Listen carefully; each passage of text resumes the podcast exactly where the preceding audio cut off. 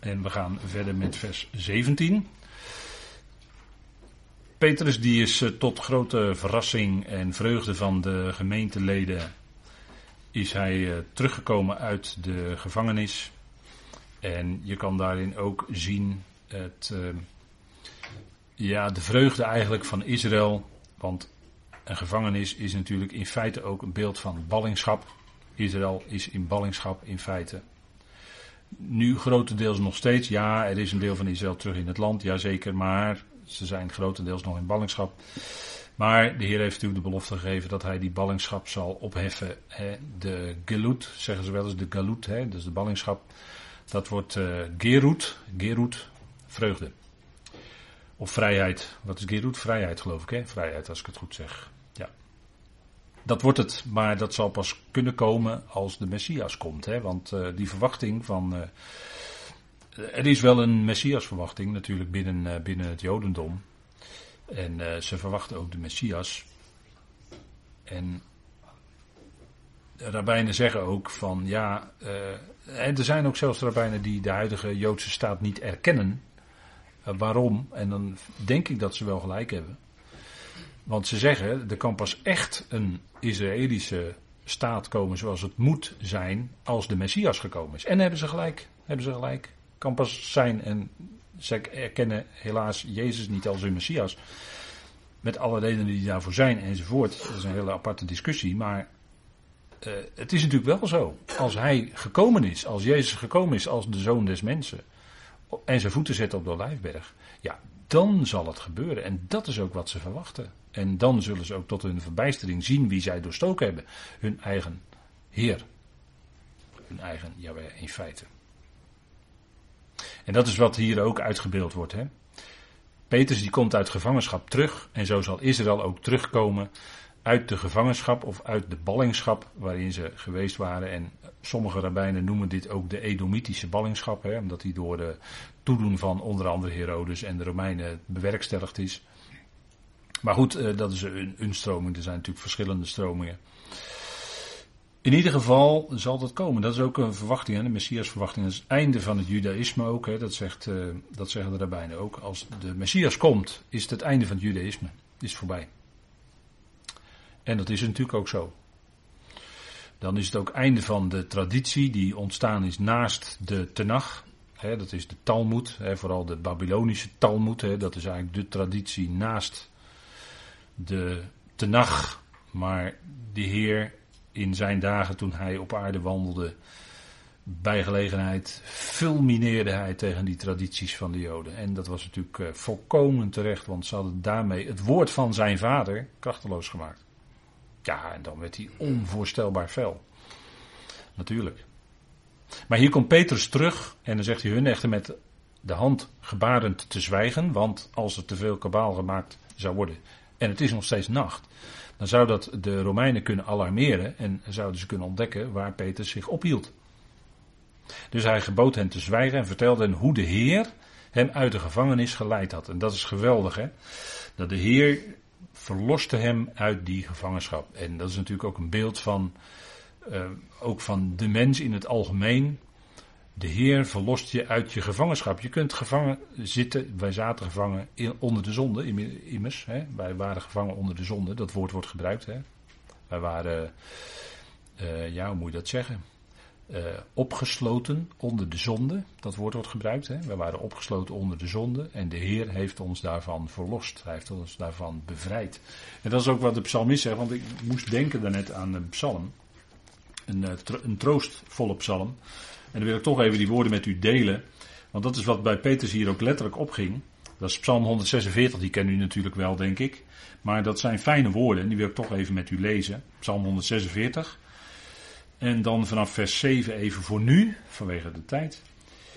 Daar staat die de onderdrukten recht doet. Dat gaat over de God van Jacob. Hè. Welzalig is hij die de God van Jacob tot zijn hulper heeft, tot zijn helper heeft. Daar wordt het woord Ezer ook gebruikt, hè, die helper die zijn verwachting stelt, dat is vers 5, op Yahweh zijn God, die de hemelen en de aarde gemaakt heeft, de zee en al wat erin is.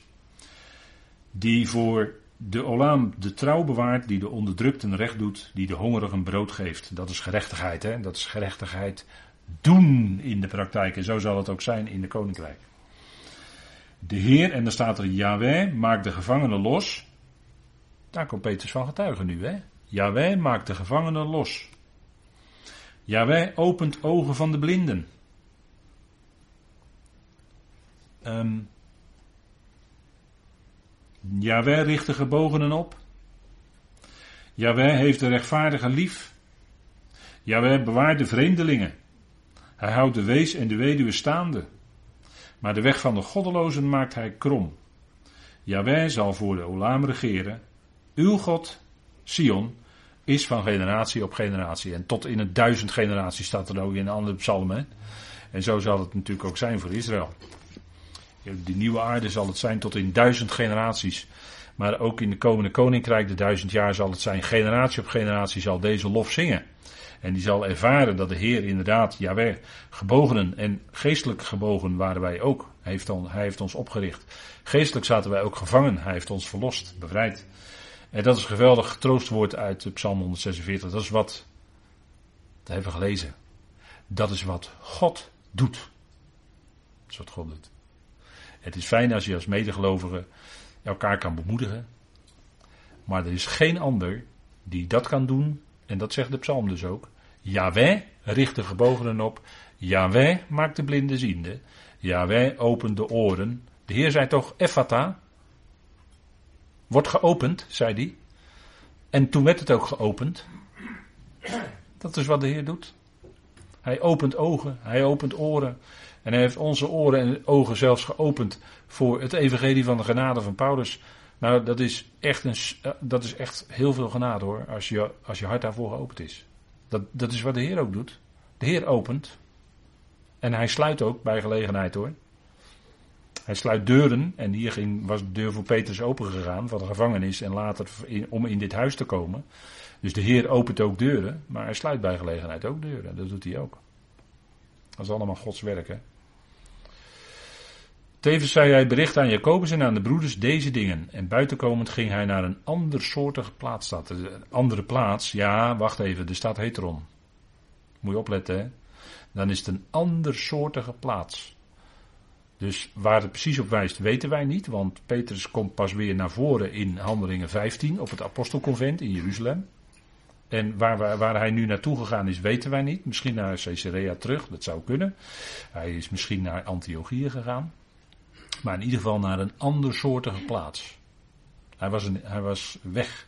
Want was natuurlijk, hij, moest natuurlijk vluchten voor de Romeinen. Dus hier werd een enorme slag toegebracht aan de Ecclesia van het Koninkrijk. Dat Jacobus was gedood en Petrus die ging weg. En dat is een teken dat dat evangelie van het Koninkrijk, ja, dat werd voortdurend tegengewerkt. En die lijn die begon in Israël in ieder geval, begon toch uh, zwakker te worden, af te nemen. En dat bleek ook wat uit wat Petrus hier zegt. En dan gaan we ook wat meer op een andere manier daarnaar kijken. Niet alleen puur geschiedkundig wordt dit natuurlijk aan ons medegedeeld.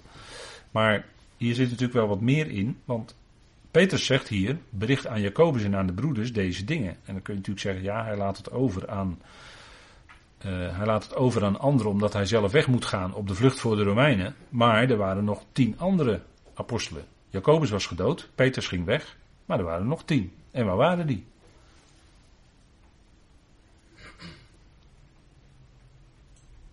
Dat is natuurlijk de vraag, hè? Petrus ging in ieder geval weg en waar hij dan gebleven is. Het is de vraag. Kijk, wat hier aan de hand is, is hij zegt: vertel het aan Jacobus en aan de broeders. En dan moeten we toch even scherp lezen. Hij zegt dus niet: vertel dit aan de tien apostelen. Vertel dit aan de andere tien apostelen, deze dingen. Nee, hij zegt, vertel dit aan Jacobus en aan de broeders. En dit was dus niet de apostel Jacobus, want die was gedood door toedoen van Herodes. Maar dit was de broer, of moet je zeggen de halfbroer van de Heer Jezus.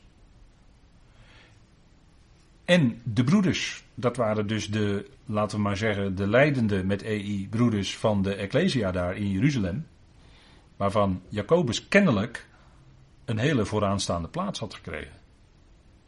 Maar als we dit nu geestelijk met elkaar bekijken, dan wat hier naar voren komt, is dus een stukje neergang van die Ecclesia. Want in feite had, hadden die apostelen daar de leiding moeten hebben over die koninkrijks-Ecclesia in Jeruzalem.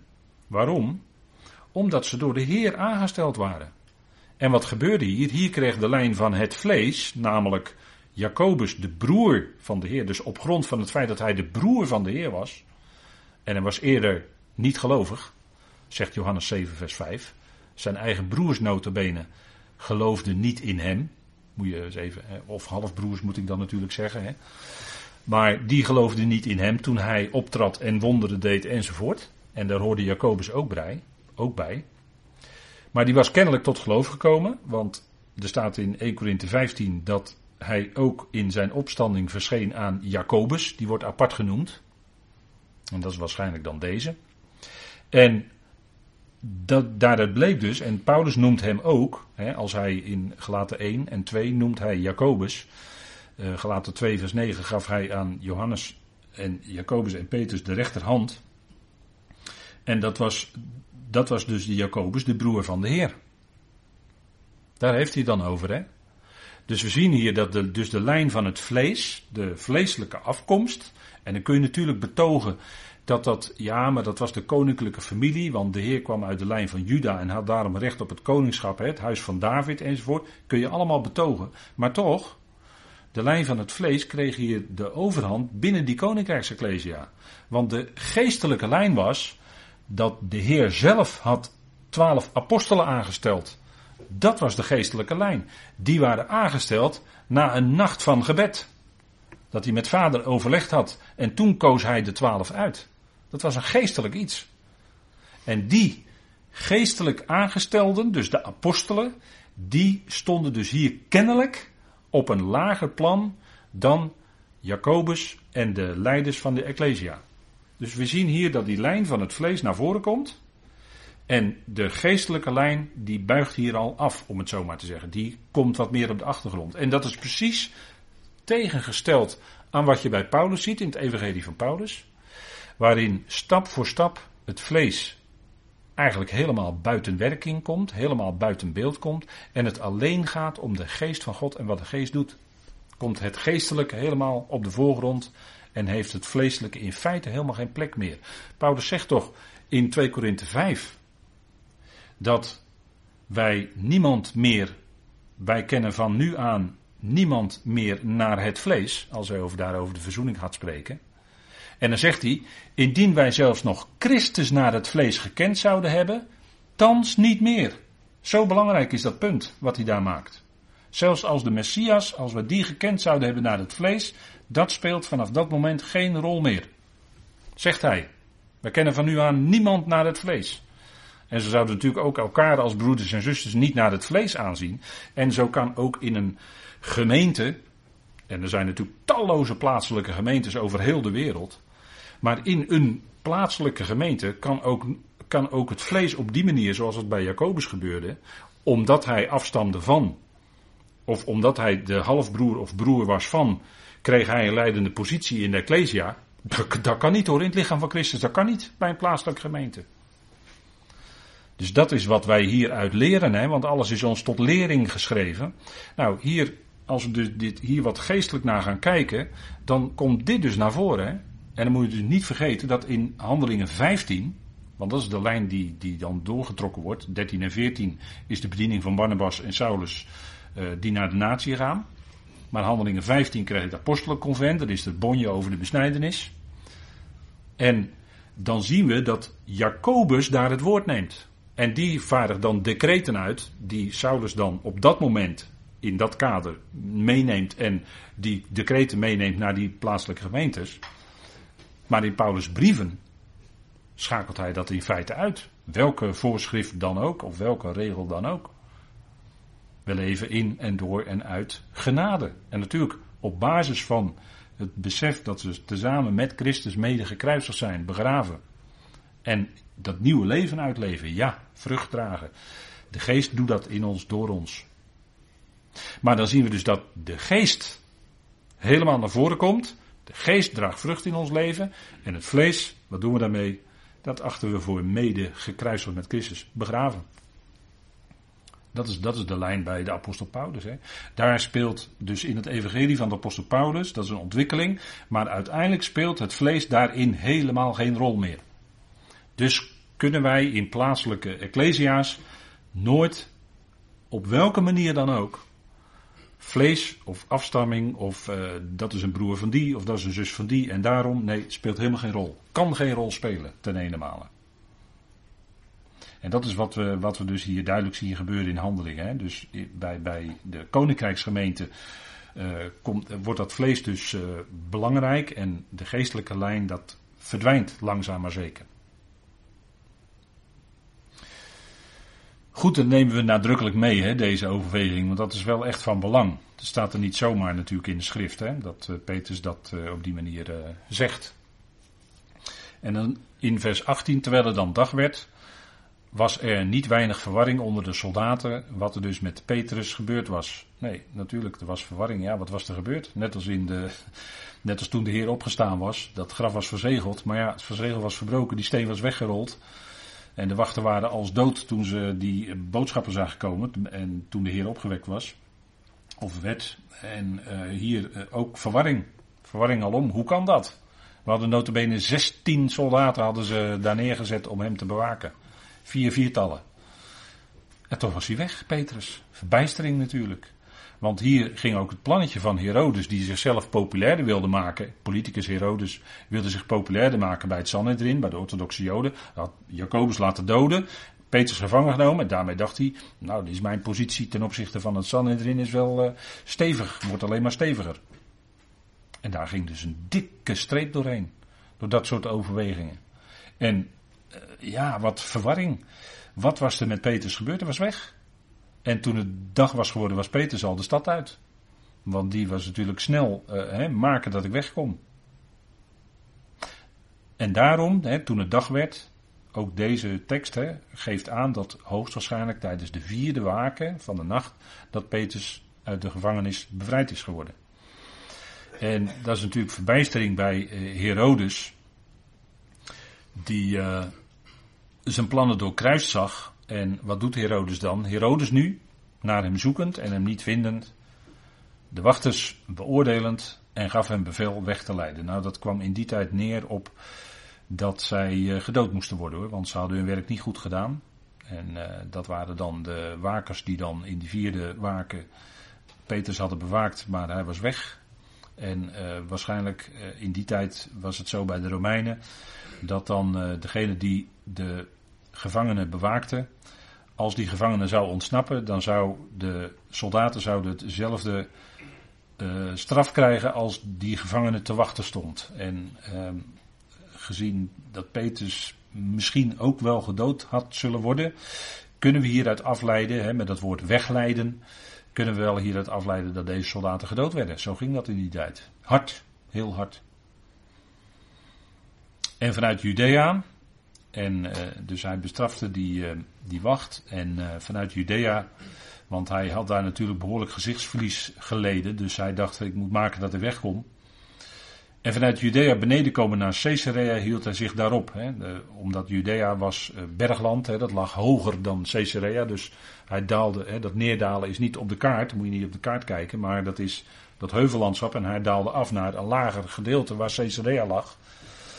En misschien, misschien verwachtte hij wel dat Petrus daar zou zijn, dat zou kunnen. Uh, dat hij om die reden, maar hij had ook nog een andere reden. Hè? Dat, uh, hij, had, uh, hij was natuurlijk vorst over dat gebied. En Herodes, kijk, er waren, we hebben de vorige keer gezien dat er verschillende Herodesen waren en die golden als, laten we maar zeggen, koning van de Joden, hè? want dat was natuurlijk bij de Heer ook. Pilatus die stuurde hem naar Herodes. En uh, op dat bordje bij de kruising stond ook uh, dat hij de koning van de Joden is. Maar Herodes in die tijd gold als de koning van de Joden, de vorst over de Joden.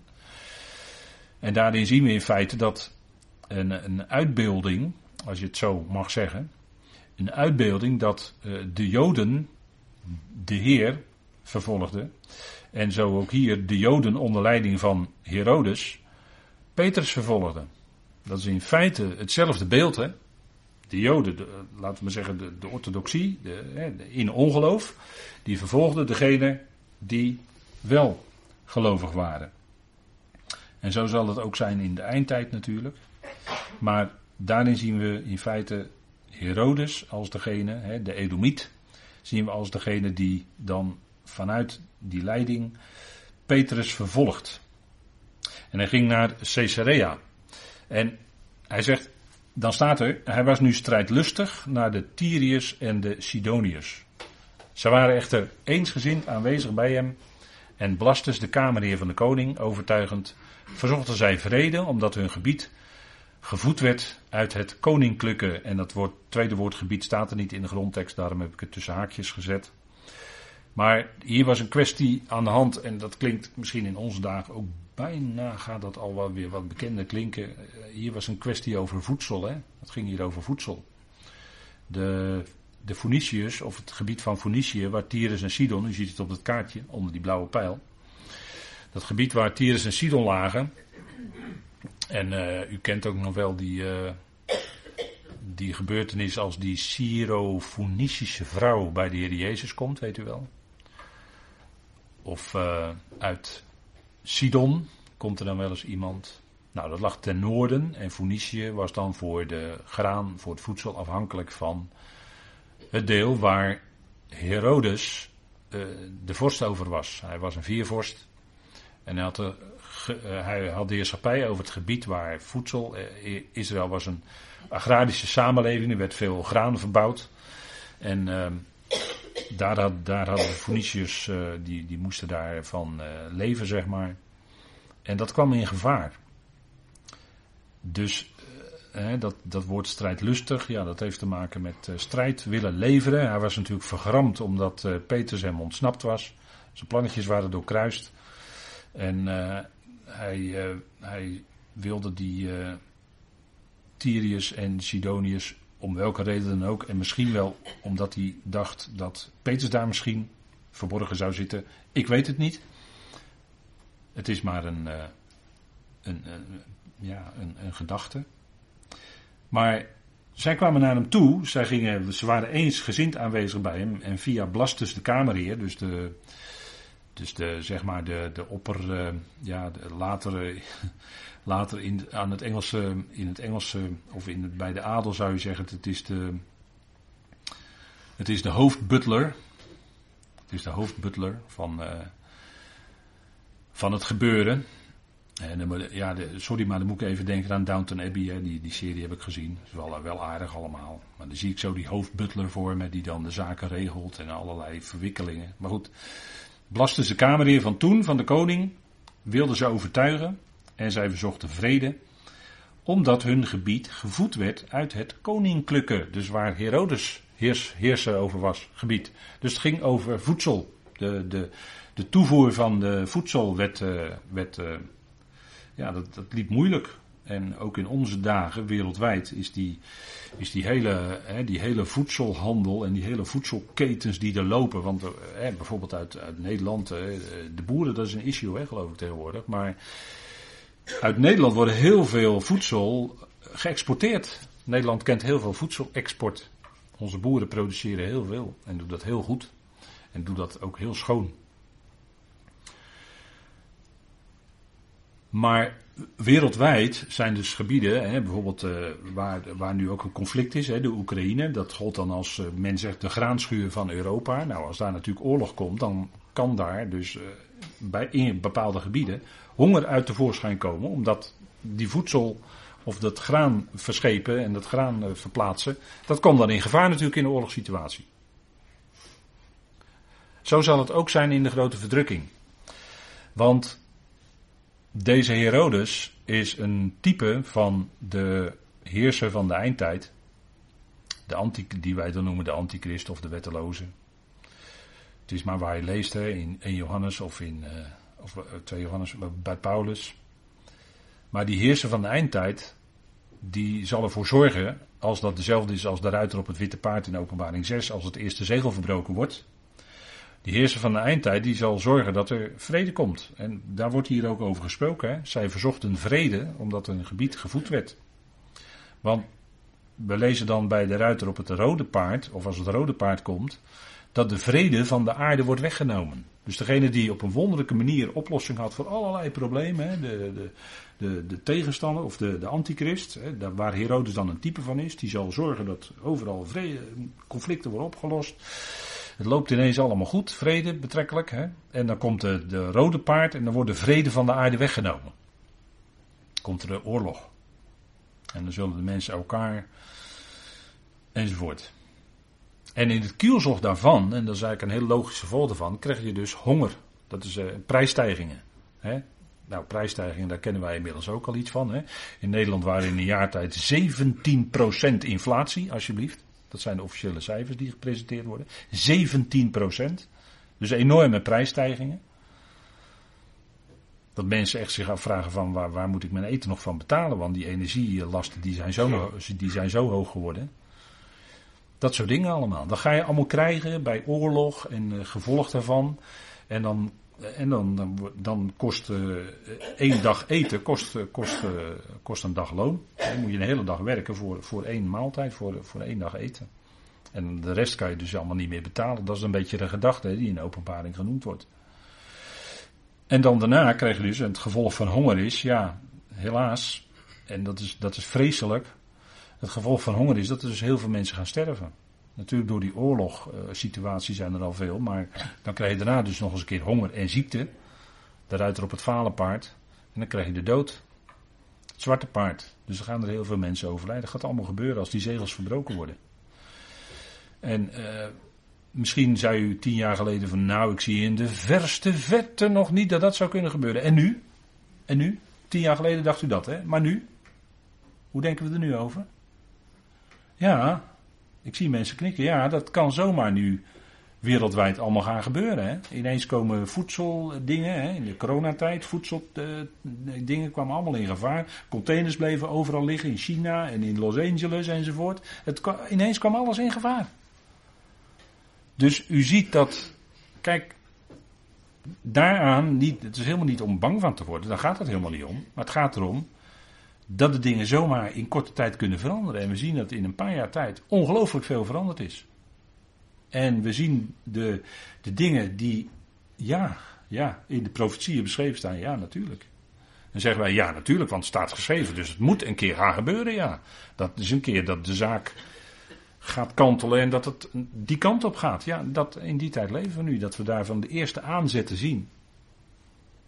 En, en in, in die tijd, hè, dit gebeuren, hè, Herodes wordt gezien door uitleggers als een type van de antichrist. En, want wat gebeurde? Hij gaat dan uh, zitten op een vastgestelde dag nu. Deed Herodes het koninklijke kleed aan.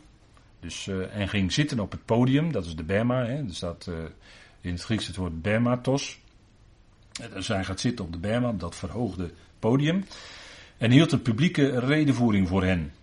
dus hij ging daar in vol ornaat zitten. Ik ben de koning, ik ben de heerser nu. En uh, daarmee is hij een plaatje eigenlijk van degene die gaat komen in de toekomst. En wat gaat diegene doen? Als we het hebben over die kleine horen in Daniel. Die heeft een hele grote mond. Laat ik maar het woord mond gebruiken, even nog netjes houden. Maar die heeft een hele grote mond. Want die gaat woorden spreken tegen de Allerhoogste. Die gaat zich verheffen tegen de Allerhoogste. En dan denk ik altijd van, dat moet je niet doen. Dat moet je niet doen. Want dan speel je echt met vuur. Dat kan je niet doen. Je, je, kan je, niet, je kan ook niet in je woorden kan je zo. En er zijn mensen die dat vandaag aan de dag doen. Hè, die, die menen dat zij uh, bijna ofwel goddelijk zijn. En dat zij de mens, hè, dan heb ik het over het transhumanisme. Dat zij de mens dus zodanig kunnen veranderen. En daarmee wanen zij, en ik gebruik echt het woord waan heel bewust hoor. Daarmee wanen ze zich dat ze goddelijk zijn. En dan denk ik, als die geluiden komen, en die geluiden zijn er heel nadrukkelijk, met mensen die de wereld overgaan en echt grote dingen spreken, dan denk ik, nu moet je op gaan passen. Nu moet je op gaan passen. Want als je zulke woorden gaat gebruiken tegen God, waarvan je waarschijnlijk diep in je hart heel goed beseft dat hij dat allemaal gemaakt heeft, dat hele DNA en noem alles maar op. Ja, dan, uh, dan denk ik dat je dagen geteld zijn. En die zijn het ook hoor, die dagen zijn ook geteld. God weet precies de tijd natuurlijk. Hè? Maar dit gaat komen dat, dat uh, mensen zich verheffen wat Herodes toen deed. En wat mensen nu doen. En ik uh, herinner me nog, uh, toen ik me zat voor te bereiden, jaren geleden, dat was een serie voor de VPRO. En die serie die heette Beter dan God. Toen dacht ik, VPRO, wat je nu doet. Zo'n titel moet je die serie niet meegeven. Dat, dat kun je niet maken. Want dan heb je te maken met degene die alles in zijn hand heeft en die maar dit hoeft te doen. En het is weg. Je bent weg. Dat, dat is dan, de mens waant zich zo groots in zijn wetenschap. De wetenschap. Jawel, ja zeker, zeker. Mensen zijn heel knap, zeker. Maar er is één die oneindig veel knapper is. En die dat alles heeft ontworpen, waar de mens dan een beetje in mag rondneuzen en een beetje mag ontdekken. Zullen we het over het bloed hebben van de mens? Het bloed? Wordt al jaren, jaren, jaren bestudeerd door wetenschappers. En ze zeggen, we weten nog maar zo'n klein beetje van het bloed van de mens. Wie heeft dat gemaakt? God. En met die heb je dus te maken. En daar kan je niet zomaar zulke woorden tegen spreken. En dat zal ook blijken. En dat bleek hier ook bij Herodes. Hè? De bevolking nu riep terug. En eh, ja, dat is natuurlijk wat mensen dan. De stem van een God. Met een kleine letter. En niet van een mens. Ze plaatsten hem op een voetstuk. Als was hij een God. En is dat ook niet wat in de eindtijd zal gebeuren? Zegt Paulus toch in 2 Thessalonicense 2. De wetteloze zal zich in de tempel van God zetten en zich, zal zich laten aanbidden als was hij een God. Staat er toch? Nou, daar zien we hier toch bij Herodes dan al een plaatje van. Een profetische uitbeelding van. En dat zal in de eindtijd gebeuren. Dan zal men, omdat eh, diegene in staat is, of degene die eh, zijn mond is, die is in staat om door middel van tekenen en wonderen zo de hele zaak achter zich, bedriegelijke tekenen en wonderen, krijgt zo de hele zaak achter zich aan.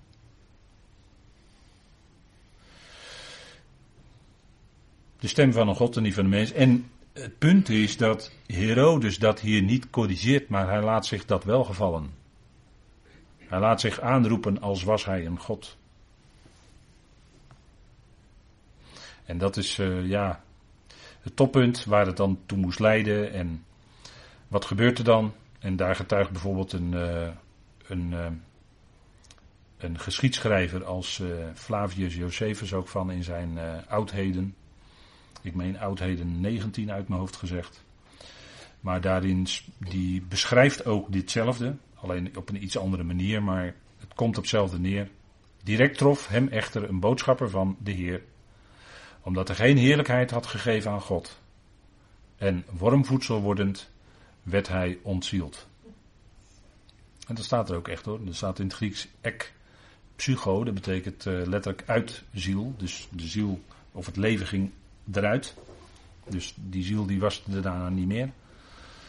En hij werd, ja, wormvoedsel wordend. Hè? Dat is wel heel hard gezegd misschien, maar dat, ja, triest. Dat overkomt mensen wel eens. Dat is echt heel erg. Ook heel akelig om het te zeggen, überhaupt. En, en heel, heel verdrietig. Maar hier, en uh, volgens de geschiedschrijving, heeft hij vijf dagen enorme ingewandpijnen gehad. Herodes. En is daaraan overleden. Maar hier wordt natuurlijk wel de toelichting gegeven hoe dat komt, omdat hij geen heerlijkheid gegeven had aan God. En dat is natuurlijk wat Paulus ook zegt in Romeinen 1. He, de, de, wat, wat, waarop Paulus, Paulus moest dat schrijven als een aanspreker van de mensheid. Dat zij uh, God, de schepper, niet verheerlijkt of gedankt hebben als God. Dus als plaatser, als beschikker, als schepper. En als je dat niet doet, ja, dan gaat het, gaat het bergafwaarts met je als mens of als mensheid zijnde. En gebeurt hier dan heel radicaal bij Herodes. Uh, en er zijn ook nog wel andere voorbeelden in de geschiedenis aan te wijzen. Maar dat, dat kan zo zijn. Dat, dat, uh, hè, eh, als, je, als je terugdenkt aan de uittocht, hè, de Exodus uit Egypte wat daar gebeurde. Hè? De farao liet ze niet gaan. En in één nacht kwam de verderfengel, zoals we dat dan noemen, en die doodde de eerstgeborenen van de Egyptenaren. Dat is wat hoor, dat is wat. Dat is wat. En dat was ook die farao die zich verzette. En natuurlijk weten we, weten we vanuit Romeinen 9 hoe dat zit. Maar het was toch die farao die zich verzette tegen God. God had zijn wil bekendgemaakt en hij ging daar tegenin. Hij liet het volk niet gaan. En dat dat, dat, dat hele drastische consequenties uiteindelijk. een mens kan zich niet uh, zomaar blijvend verzetten tegen God. Dat heeft gevolgen. Het is, wij leven natuurlijk nu niet in de tijd van direct straf op de zonde enzovoort. Nee. Maar toch, hè, er is dat altijd toch dat lijntje vanuit God als schepper met die mens. En als die mens zich daar verzet of zich tegen een lijf verzet op een of andere manier, heeft dat gevolg. Dat zijn wetmatigheden die dan optreden. Wetmatigheden. En uh, hier was het een, een, direct ingreep door de boodschapper van de Heer. Die kwam en die ervoor zorgde dat. En daarna stopte ook de vervolging. Maar er was natuurlijk aan de Ecclesia wel een enorme slag toegebracht. Hè. Herodes, eh, enorm hoe die aan zijn einde kwam. En daarnaast zien we dus dit, vers 24. Het woord van God echter groeide en werd vermeerderd. En dat, uh, er worden in de handelingen twee uitdrukkingen gebruikt: het woord van God en het woord van de Heer, het woord van de Curios. En als het gaat om het woord van God, wat ligt dan op de voorgrond? Uh, de Tenach en de vervulling ervan door de Heer Jezus Christus. Dus dat in Hem die profetieën van Tenach tot vervulling zijn gekomen. Hij als het lam van, van uh, uh, Pesach. Hij als de vervulling van de offeranden van Leviticus. Noem maar op. Als vervulling van wat in de psalmen geschreven stond. Wat in Isaiah 53 geschreven stond. Ik noem maar wat hele bekende. Maar er zijn natuurlijk veel meer minder bekende profetieën. Die in hem ook hun vervulling vonden. En je ziet ook dat uh, Paulus, als hij in de Shul komt, dat hij de Joodse mensen daar probeert te overtuigen vanuit de geschriften, vanuit de Tenach, dat deze de Messias is, dat deze de Zoon van God is. Dat die degene was die in de profeten was aangekondigd. En dat is ook wat we met elkaar steeds overwegen. Hij is de vervulling van de schrift. Hij is het woord van God. Hij is het levende woord. In hem worden die woorden van God vervuld. Het woord is vlees geworden. Dat is vervulling van de belofte. dat is in het Hebreeuws is dat één woord. Maar dat houdt in zich dat het een goed nieuws is dat in hem, in de Heer Jezus Christus, is dat woord van God tot vervulling gekomen. Hij is het levende woord. De, de profetie, hè, de, de geest van de profetie, zegt openbaring ook, is het getuigenis van Jezus. Dus we vinden hem overal terug in de profetie. Het gaat over hem. Dat is altijd met het woord van God. Gaat in de eerste plaats over God zelf, natuurlijk. En het gaat over zijn Christus. Daar gaat het in de eerste plaats over. En pas daarna kan het eventueel over ons als mensen gaan. En, en dat is wat bij die uitdrukking het woord van God in handeling, hè, wordt verschillende keren gebruikt. Dat dat woord klonk, de tenag, en ook klonk dat in die woorden van Tenach, in de Heer Jezus Christus tot vervulling zijn gekomen. Ook zijn opstanding uit de doden, waar ook van getuigd werd in Tenach, hè, zijn opstanding. In allerlei beelden en typen natuurlijk. Uh, de eerstelingarf, om maar eentje te noemen, de eerstelingarf op de 16e Aviv of de 16e Nisan. De eerstelingarf die bewogen werd voor het aangezicht van de Heer, is een type of uitbeelding van de opstanding van Christus. De ark met acht mensen erin die op het droge overbleef na de grote vloed type van Christus. In zijn opstanding. Een nieuw begin. Aarde was weer schoon. En al die typen en beelden hè, die er zijn, uh, beelden die, die wij kennen, dat is vaak een. Uh, en, en vaak wordt dat uh, aangegrepen door de tegenwerker om daar een andere invulling aan te geven. Ik noem u de regenboog. De regenboog wordt vandaag in de wereld heel anders ingevuld dan wat het in feite is. De regenboog is een getuigenis dat God nooit meer een grote watervloed over deze aarde zal brengen. Dat is de regenboog. Met zeven kleuren. Ja, natuurlijk van God, dus het is zevenkleurig. Veelvuldige grootheid van God beeldt dat uit. Natuurlijk. Maar de regenboog wordt dus nu anders ingevuld. En zo is het met veel meer dingen. als we het hebben over dat het evangelie bijvoorbeeld in de sterren geschreven staat. Dan roepen mensen gelijk, ja, maar dat is astrologie. Wel, nee, dat is helemaal niet astrologie. Nee, de, de, de, het goede nieuws, het evangelie staat geschreven in de sterren. Wat zullen we nou krijgen? Alleen dan wordt het anders ingevuld door de tegenstander. En dan ga je met astrologie, dan ga je met toekomst voorspellen en weet ik wat allemaal. Allemaal, allemaal, allemaal, allemaal. Maar die, die schepping, kijk, dag aan dag predik, of nacht aan nacht predik kennis, zegt Psalm 19. Wat zullen we nou krijgen? Die sterren die zijn daar gesteld door God in Genesis als om gezette tijden, maar er staat ook het evangelie in hoor. Die, die, die, al die tekens van de dieren, die, dat, dat is al zo oud als eh, vanaf Adam, zeg maar. Daarover niet hoeven niet zo moeilijk over te doen.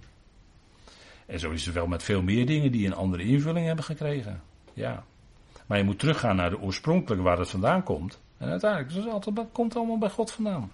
En daar moet je zijn. Nou, dan hebben we een andere uitdrukking, de, het woord van de Heer. En dat is dan het woord wat specifiek door de Heer zelf, woorden die door de Heer zelf gesproken zijn, woorden die door de apostelen gesproken zijn, die de Heer gaf aan de apostelen, woorden van Christus zelf. En daarover wordt ook gesproken, hè, dat het woord van de Heer werkte en vrucht droeg en vermeerderd werd. En hier zien we het ook, het woord van God echt groeide en werd vermeerderd. Nou, dat is wat gebeurde. Hè. Dat is natuurlijk wat, uh, wat, wat God doet. Hij gaat door met dat woord. En uh, dat woord, dat, dat is het geweldige van het woord. Dat, voor de pauze had ik het over Jezaja 55, dat het woord nooit, dat God het uitzendt. En weet u wat het nou het mooie is? Dat woord van God keert nooit leeg terug. Het doet altijd zijn werk. Als God het gesproken heeft, dan is het dabar. En dan heeft hij het gesproken en is op een gegeven moment wordt het ook daadwerkelijk werkelijkheid. Want dat is ook het woord dabar. Want het wordt, dat moet je soms vertalen met, uh, ja, laat maar zeggen, zaken of dingen. Uh, maar het oorspronkelijk is natuurlijk dabar. En, en daar zit heel dicht tegenaan, uh, dat, is, dat is eigenlijk wel mooi om te zeggen, het, dabash, dat is honing. Kijk, dat woord van God, en honing heeft in, in de Bijbel te maken met ja, laten we maar zeggen, de hemelse dingen. En heeft ook te maken met de diepere wijsheid van God. Hè? Honing, heet honing mijn zoon, en dan zul je wijsheid. Honing is ook, als je het in de natuur vindt, is het vast. Hè? En als je het tot je neemt, dan uh, worden je ogen geopend. Hè? Denk maar aan Jonathan. Zoekt u maar eens na, hè? die geschiedenis, prachtige geschiedenis. Toen werden zijn ogen geopend en toen zag hij, ja. En dat is ook wat gebeurt als je het woord van God tot je neemt. Hè? Dan is dat zoet voor je verhemelte, gehemelte. En dan geeft je dat wijsheid. Hè, dan brengt dat wijsheid. En uh, dabar, dat heeft het, hè, het woord voor bij, of Deborah, dat is dan de vrouwelijke vorm, dat is dan de vrouwtjes bij, Deborah. Nou, die zorgen dat er allemaal honing komt. Bijen zijn essentieel, hè. Bijen mogen niet uitsterven, want die zijn essentieel, voor, uh, voor, ook voor de voedselvoorziening in de wereld. En zo is het woord van God voor ons dat noodzakelijke voedsel wat God geeft. En dan kan het zijn melk, maar het kan ook zijn vast voedsel. Vast voedsel. Honing dus. En dat geeft je dan wijsheid. Hè? Dan worden je ogen geopend hoe de dingen zitten. Dan krijg je wijsheid. Dan ga je anders kijken naar de dingen. En dat is wat we ook doen als we dat woord van God openen. Dan gaan we ons afvragen waarom staat het er nou zo? En wat wil dat ons zeggen? Nou, dat woord van God groeit. En ik hoop ook dat het in uw persoonlijk leven steeds meer vermeerderd wordt. als het in je oren komt, dan doet dat zijn werk absoluut. En dan sluiten we af vanavond met uh, vers 25. Barnabas en Saulus nu keerden terug naar binnen Jeruzalem. En daar is, uh, zal ik zoiets over zeggen, over dat naar binnen. Naar binnen Jeruzalem, dus staat er eigenlijk tot in, of uh, het Engelse into, hè, ijs in het Grieks. De dienst volmakend en Johannes die als Marcus aangeroepen wordt meenemend. Nu is daar discussie over in de teksten of er hier nu staat uh, tot in of naar binnen of uit. Want als u verschillende concordante vertalingen erop naslaat, wordt daar ook soms uitgezegd en dat is een handschriftenkwestie. Uh, maar voor deze tekst heb ik de Concordant Greek tekst gevolgd en die zegt hier naar binnen. Dus dat houden we het op. Dus Barnabas en Saulus nu keren terug naar binnen Jeruzalem de dienst volmaken. Ze hadden een bepaalde dienst en daarover wordt ook in Handelingen 11 iets gezegd. Uh, dat zij een gave zouden meenemen van de natieën voor de armen in Jeruzalem. Moet je nagaan. de bedoeling was altijd dat het andersom was. Hè? Dat ook de uh, rijkdom, niet alleen het woord, maar ook de materiële rijkdom vanuit Israël naar de natie zou gaan. Maar we zien hier toch dat er was natuurlijk sprake geweest van hongersnood. Er was ook in die, in die tijd zou er ook hongersnood, uh, waren er ook hongersnoden. En hier moest uh, Saulus dus, die had een gave meegenomen voor de armen in Jeruzalem. Staat aan het eind van hoofdstuk 11. En mogelijk heeft hij die hier toen ook afgegeven. Hè? Maar we letten ook even op dat punt van de dienst volmakend. Dus hier is een bepaalde cyclus, zou je kunnen zeggen, in handelingen wordt volgemaakt. Barnabas en Saulus komen in Jeruzalem. Maar die gaan ook weer uit Jeruzalem weg en nemen dan Johannes Marcus mee, de neef van Barnabas. En die gaan dan naar Antiochië. En dan in Antiochië, maar dat zullen we dan een volgende keer zien. In Antiochië is daar een nieuwe, een, in zekere zin een bijzondere start van een stuk dienstbetoon. Wat Barnabas en Saulus gaan doen aan de natieën. En dan lezen we ook in Handelingen 13 dat zij afgezonderd worden door de Heilige Geest. Dus we lezen hier dat die dienst hier is in zekere zin dat Saulus meewerkt in de bediening van het evangelie van het koninkrijk. Die dienst is hier volgemaakt, dus een bepaalde cyclus is nu vol.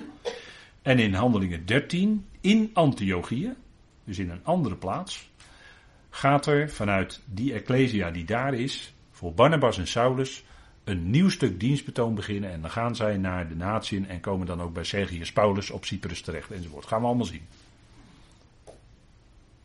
En daar worden zij dus afgezonden. Dus dat sluit aan bij dat hier gesproken wordt over dat het volgemaakt is. Dus een bepaalde afronding heeft gekregen. Het is vol.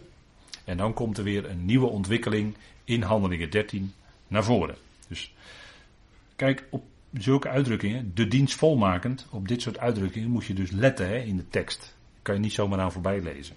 Waarom staat dat er zo? Is niet zomaar een loze mededeling natuurlijk. En Johannes, Marcus, die gaat dan mee. En dat is de neef van Barnabas. En dan zien we hier dat de verbinding in het vlees, hij is een neef, hè, vleeselijke verbinding, speelt hier nog een rol. Nemen we ook even mee. Hè. Geef dat even als mededeling nu aan u mee. Speelt hier nog een rol. En we zullen zien in de komende ontwikkelingen van handelingen hoe dat dan verder zijn beloop heeft.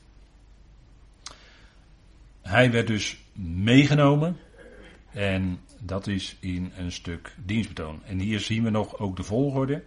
Barnabas staat hier nog voorop. Barnabas en Saulus. Ook die namenvolgorde is hier van belang. Hè? Barnabas staat nog voorop. Als de leviet. Als degene die de zoon van de vertroosting is. Of de zoon van profetie. En Saulus in zijn oude naam, om het zo maar te zeggen. Shaul in het Hebreeuws. Wordt hij nog genoemd en we zullen ook zien in het volgende deel, Handelingen 13, dat zijn naam ook veranderd wordt naar Paulus. En dat is ook een heel bepalend moment in zijn bediening, in zijn loopbaan, om zo maar te zeggen. Goed, het zijn allemaal dingen die we meenemen. En uh, ook Marcus als de dienende, die gaat dan met hen mee. Goed, tot zover voor vanavond en zullen wij de Heer danken. Vader, we danken u voor de rijkdom en ook de kracht van uw woord. U stuurt uw woord uit en het zal nooit leeg tot u terugkeren. En vader, dank u wel dat u die grote God bent die alles in uw hand heeft, die alles bepaalt in feite. Vader, en we zien dat als mensen bewust in opstand tegen u komen, dat dat gevolgen kan hebben en dat het ook een wetmatigheid is. Vader, u bent werkelijk God, u bent de plaatser, u bent liefde, u bepaalt de dingen. En wij zijn schepselen. En vader, daarin kennen we onze plaats. Vader, dank u wel dat u de grote bedenker bent van dat enorme plan. Dank u wel dat u de bron bent van alles. Dat alles uit u is voortgekomen, dat uiteindelijk ook alles weer tot u zal terugkeren. Vader, we hebben nog geen idee hoe groot u bent, maar dank u wel dat we daar iets van mogen ontdekken door uw woord. En vader, dat maakt ons heel ootmoedig en maakt ons heel klein. Want, ja vader, wie zijn wij? Een damp. Ons leven is zo voorbij. Vader, dank u wel dat u ons nogthans gebruikt en in ons leven dat woord plaatst. Onze oren en ogen heeft geopend voor de dingen van u. Vader, en dan kunnen we eigenlijk het beste doen als wat Mirjam ook deed, aan de voeten van de Heer zitten en luisteren naar zijn woord. Vader, dank u wel dat u dat woord geeft en dat we keer op keer daarnaar luisteren. Dat meenemen en daardoor opgebouwd en bemoedigd worden. En ook vertroost worden, Vader. Dank u wel voor al die werkingen die uw woord heeft. Dank u wel voor uw zoon die niet gespaard werd, maar zichzelf totaal gegeven heeft. Tot en met, ja, zelfs de dood van het kruis. Vader, dank u wel dat hij ook is opgewekt en verheerlijkt. Dat we een levende Heer hebben en dat hij het hoofd is van de gemeente. Vader, we danken u dat we zo mogen leven met elkaar en met elkaar mogen optrekken naar dat grote moment dat de bazuin klinkt. Vader, dank u wel daarvoor. Daar zien we naar uit. We danken u daarvoor in die machtige naam van uw geliefde Zoon, onze Heer Christus Jezus. Amen.